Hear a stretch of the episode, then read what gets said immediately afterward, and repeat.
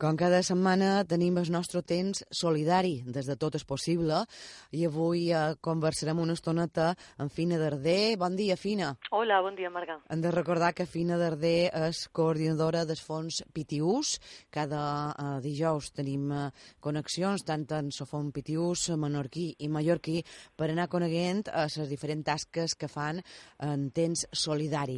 Avui eh, na Fina mos explicarà el seu viatge al Perú. Fa pocs dies va arribar d'aquest viatge a Perú eh, que va tenir un parell de, de tasques. Per una banda, fet seguiment dels diferents projectes que des dels fons s'estan duent a terme en aquesta zona i també va tenir ocasió de visitar la eh, zona del terratrèmol del Perú. Fina, anem per feines. No sé si començar millor per, per sa visita en aquesta zona.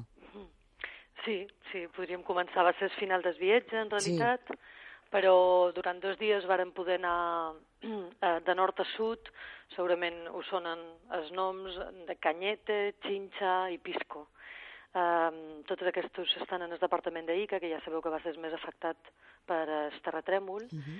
On no vàrem arribar és a la ciutat d'Ica, però vaja, la veritat és que amb aquestes tres mostres ja ens varen poder fer una idea de la dimensió de lo que va representar el terratrèmol del 15 d'agost. I bé, um, la impressió, la veritat és que va ser molt forta, eh, per més que un ho vegi per la televisió i senti les notícies, eh, res és comparable quan ho veus davant, no? Han passat tres mesos del terratrèmol i, no obstant això, la veritat és que la situació encara pareix que segueix sent caòtica, és a dir, es, eh, es, les runes encara estan amuntegades pels carrers, han llevat molta, però encara així es veuen munts i munts de runa, els edificis encara estan a mitges, estan, que la veritat és que suposa un perill bastant important perquè um, estan, molts d'ells estan això amb una paret aixecada i, i no l'han arribat a tirar. Um, hi ha cases que, um, això, que tenen només la part de davant, no tenen ni sostre ni la part de darrere.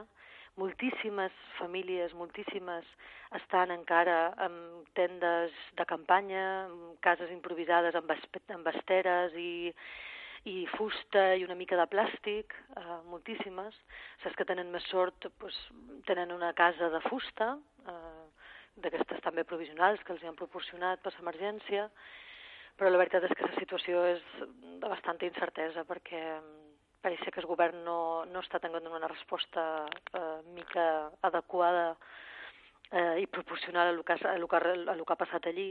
I, mm, i els municipis es troben sense saber què fer, perquè no tenen pressupost, eh, no poden cobrar fins i tot taxes perquè la gent no té res, i per tant es troben sense res, però a la vegada han de fer front a pues, una manca d'educació, de centres educatius que s'han quedat les infraestructures en terra, una manca de pues, centres sanitaris, infraestructures generals, però llavors també doncs, la mateixa producció s'ha vist afectada. Per tant, la veritat és que la situació serà un procés llarg de, de reconstrucció. Tal com explicaves, per molt que els mitjans de comunicació ensenyin, mostrin aquesta realitat, una vegada eh, in situ, en el lloc dels fets, és, és, és tremendament pitjor. És dir, això sí que sí que ho hem anat comentant en diferents persones que han tingut aquesta, uh, aquesta oportunitat, per dir-ho de qualque manera, de, de viure uh, allà mateix tot. I, i bé, um, les imatges en aquest cas ja diuen que les paraules de vegades no basten, però les imatges tampoc. És viure el drama, realment, el que... Sí, sí, és una mica...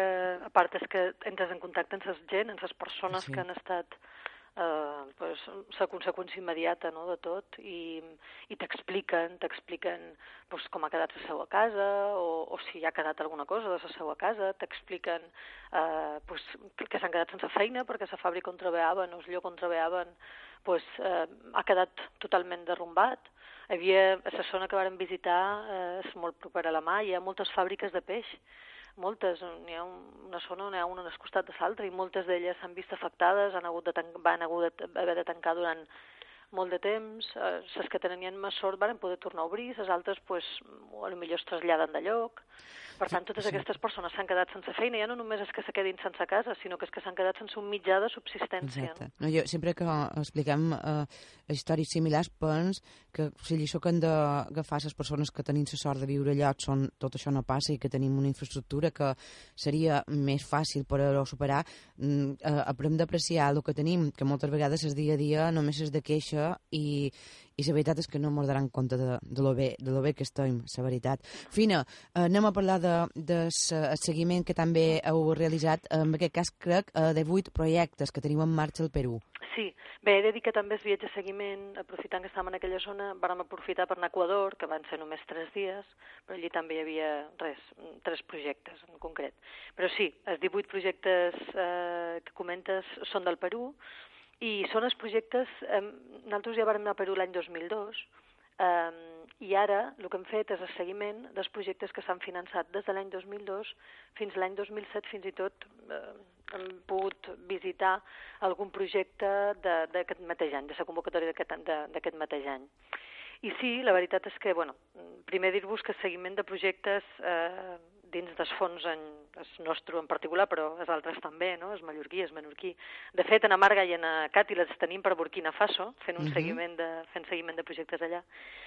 És una part molt important de, de la feina dels fons, ja no només perquè, bueno, diguem que representa, els, els seguiments no són, els vídeos de seguiment no són auditories, són viatges simplement que el que pretenen és verificar que eh, el projecte eh, s'ha realitzat tal qual s'ha explicat en els informes de seguiment i finals. Eh, que si hi ha una infraestructura hi siga, però ja no només que hi siga, sinó que també es, de, es destini a subjectiu pel qual va ser creada, no? sigui un centre sanitari, sigui educatiu, sigui un centre comunitari o, o el que siga. No? Comprovar això és eh, que efectivament s'ha realitzat el projecte, que segueix complint amb els objectius pels quals va ser creat, però llavors també mm, els viatges de seguiment el que ens ajuden molt és...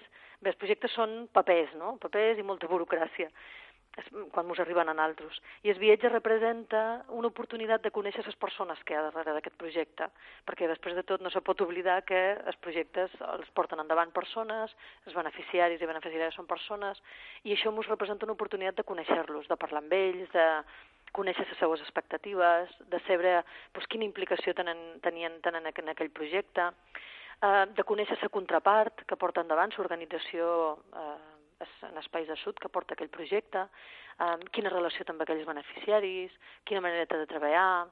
I la veritat és que això també, mm, a part de, de donar-te un coneixement de cara a futures convocatòries, la veritat és que ajuda molt a, bueno, t'ensenya moltes coses, no? També t'ensenya moltes coses de cara a la teua mateixa feina, són formes maner, diferents maneres de funcionar. No? I a més humanitza tots els projectes perquè sí. el que tu deies són papers, són diners, que evidentment són útils, però també tenir l'oportunitat de conèixer les persones i veure que realment això les, les està ajudant. Jo suposo que és la part més gratificant i, i més humana de, de tota aquesta història. Fina, quan vos tornau a qualque indret eh, a fer qualque seguiment? Nosaltres, la, nosaltres des d'Esforç Petiós fem un any, un un, un viatge anual, un viatge així, aquest per exemple ha estat 18 dies, per tant són viatges llargs, a, a un lloc, a un país que hi hagi una quantitat important de projectes. Per tant, fins l'any que ve no ho sé i no, no hi anirem i a més el lloc doncs, dependrà una mica de lo que aprovi l'assemblea, no? Però normalment anant per ordre, com tenim els projectes bastant focalitzats, doncs tocarà o Centroamèrica, perquè tenim el lloc on més,